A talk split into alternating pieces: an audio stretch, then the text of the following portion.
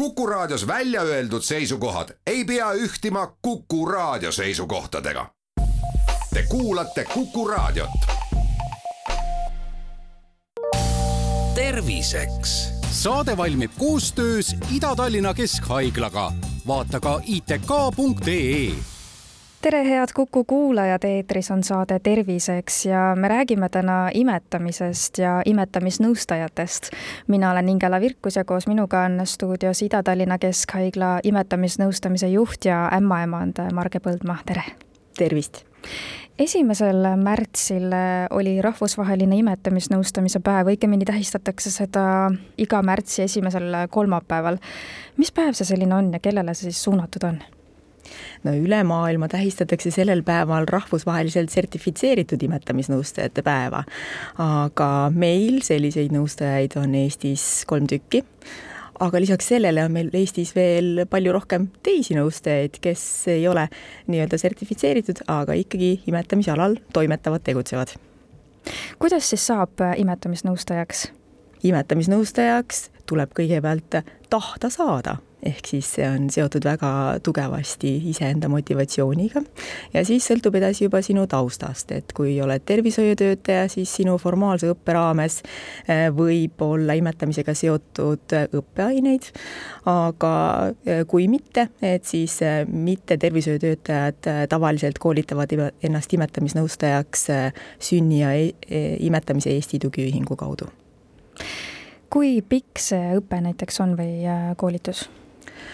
Äh, koolitus on väga erinevas mahus, see sõltub jälle, et millist õppekava äh, läbida. ämmaemandad on kõige suurema mahu tavapäraselt saanud, nemad isegi saavad kuskil seitse äh, Euroopa ainepunkti, ehk siis üks ainepunkt on kakskümmend kuus tundi õppimist, siis seitse punkti kogu õppe vältel on päris, päris suur maht, mis selgitab ka mõnevõrra seda, et miks peamiselt äh, imetamisnõustamist pakuvad siis ämmaemandad, aga ka õed äh, saavad mingil määral imetamisnõustamist, näiteks Tartu Tervishoiu Kõrgkoolis on õdedele mitmeid äh, valikaineid, mida nad saavad siis oma õppe käigus läbida ja samuti noored tohtrid, et Tartu Ülikoolis siis arstidele on üks valikaine ja selleks on siis loote ja vastsündinu füsioloogia ning käitumine, rinnaga toitmine. Ja see on kahe punkti vääriline ehk kakskümmend kuus korda kaks tundi siis, et aga see ei ole ka kohustuslik. Kuidas teist aga imetamisnõustamise juht sai, et kuidas te selleni jõudsite? meie haiglas tõepoolest on selline eraldi ametikoht siis loodud, kuna me oleme Eestis üks esimesi beebisõbraliku haigla sertifikaadiga haiglaid, siis seetõttu on meil sellest tulenev kohustus tegeleda aktiivselt ja süvitsi ka rinnaga toitmise teemadega, teades, kui suurt ja olulist panust see annab siis emade ja laps, laste tervisele kes äh, imetamisnõustajaks sobivad, et on sellel ametil ka mingid nii-öelda kriteeriumid või milline see inimene peab iseloomult näiteks olema või? ega seda ei saagi nõndaviisi defineerida, kuna Eestis meil äh, kutse puudub, meil ei ole riiklikult reguleeritud see tegevusala, nii et sisuliselt saab ennast nimetada imetamisnõustajaks igaüks küll aga, kui me räägime nüüd nendest kolleegidest, kellega meie igapäevaselt külg külje kõrval kokku puutume ja, ja kes üle Eesti toimetavad, et siis eh, üks ühine joon on meil kindlasti eh, selline sisemine motivatsioon ja, ja usk eh, rinnaga toitmisesse, et see on võimalik valdava enamiku naiste ja laste puhul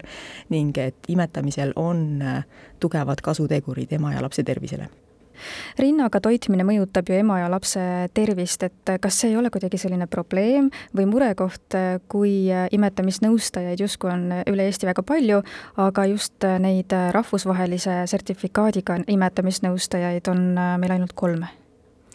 tegelikult on väga tore, et meil on erineva profiiliga ja palju, suhteliselt palju nõustajaid, nii et teenus võiks olla kõikidele eh, kättesaadav, kes seda soovivad, küll aga tuleb siin jah, võib-olla aru saada, mis asi on tervishoiuteenus, mida osutab tervishoiutöötaja ja, ja mis asi seda ei ole ehk siis kui me räägime kogemusnõustamisest, siis selleks ei ole tingimata vaja ka tervishoiutöötajat ja, ja pigem isegi mitte, et tervishoiu teenus peab olema siis tõenduspõhine, mitte lähtuma iseenda kogemustest ja nii-öelda teise toetava emana saad sa just nimelt pakkuda siis seda enda kogemust ja julgustust seal emotsionaalses plaanis millistel erialadel näiteks võib imetamisnõustaja koolitusest veel kasu olla, et kui inimene läbibki näiteks selle koolituse või õppe, et äh, kus ta selle, kõik need oskused saab enda jaoks veel tööle panna? väga paljud erialad ju tegelikult puutuvad kokku nii lapsekandmise eas naistega, peredega, kus kasvavad väikesed lapsed, imikute äh, tervisega, läbivaatusega, nii et alates perearstidest, pereõdedest kuni hambaarstide, suuhügienistideni sisuliselt äh, välja. et äh, kõikidel on vajalik mõista, äh, mismoodi rinnaga toitmine võib laste ja emade tervisele kasu tuua ja, ja kuidas seda siis nii-öelda ka korraldada kuidas üldse imetamisnõustajate abini või toeni jõuda, et äh, kui näiteks naine on sünnitanud ja tal on äh, imetamisega probleeme, siis äh, kas haigla ise kohe kuidagi pakub nõustajat ja korraldab kõik selle või? See sõltub haiglast, ma saan rääkida praegu meie haigla näitel, Ida-Tallinna Keskhaiglas naistekliinikus on äh, kõigil tööpäevadel imetamisnõustajad statsionaarses osakonnas samuti töötamas. ambulatoorne vastuvõtt sinna juurde, et me oleme katnud ära nii nende naiste vajadused, kes meie majas viibivad sellel hetkel, kui ka need, kes mis iganes lapse toitmisesse puutuvates küsimustes soovivad hilisemalt abi saada ehk et siis saab pärast näiteks ka koju endale imetamisnõustaja kutsuda, kui see vajadus on?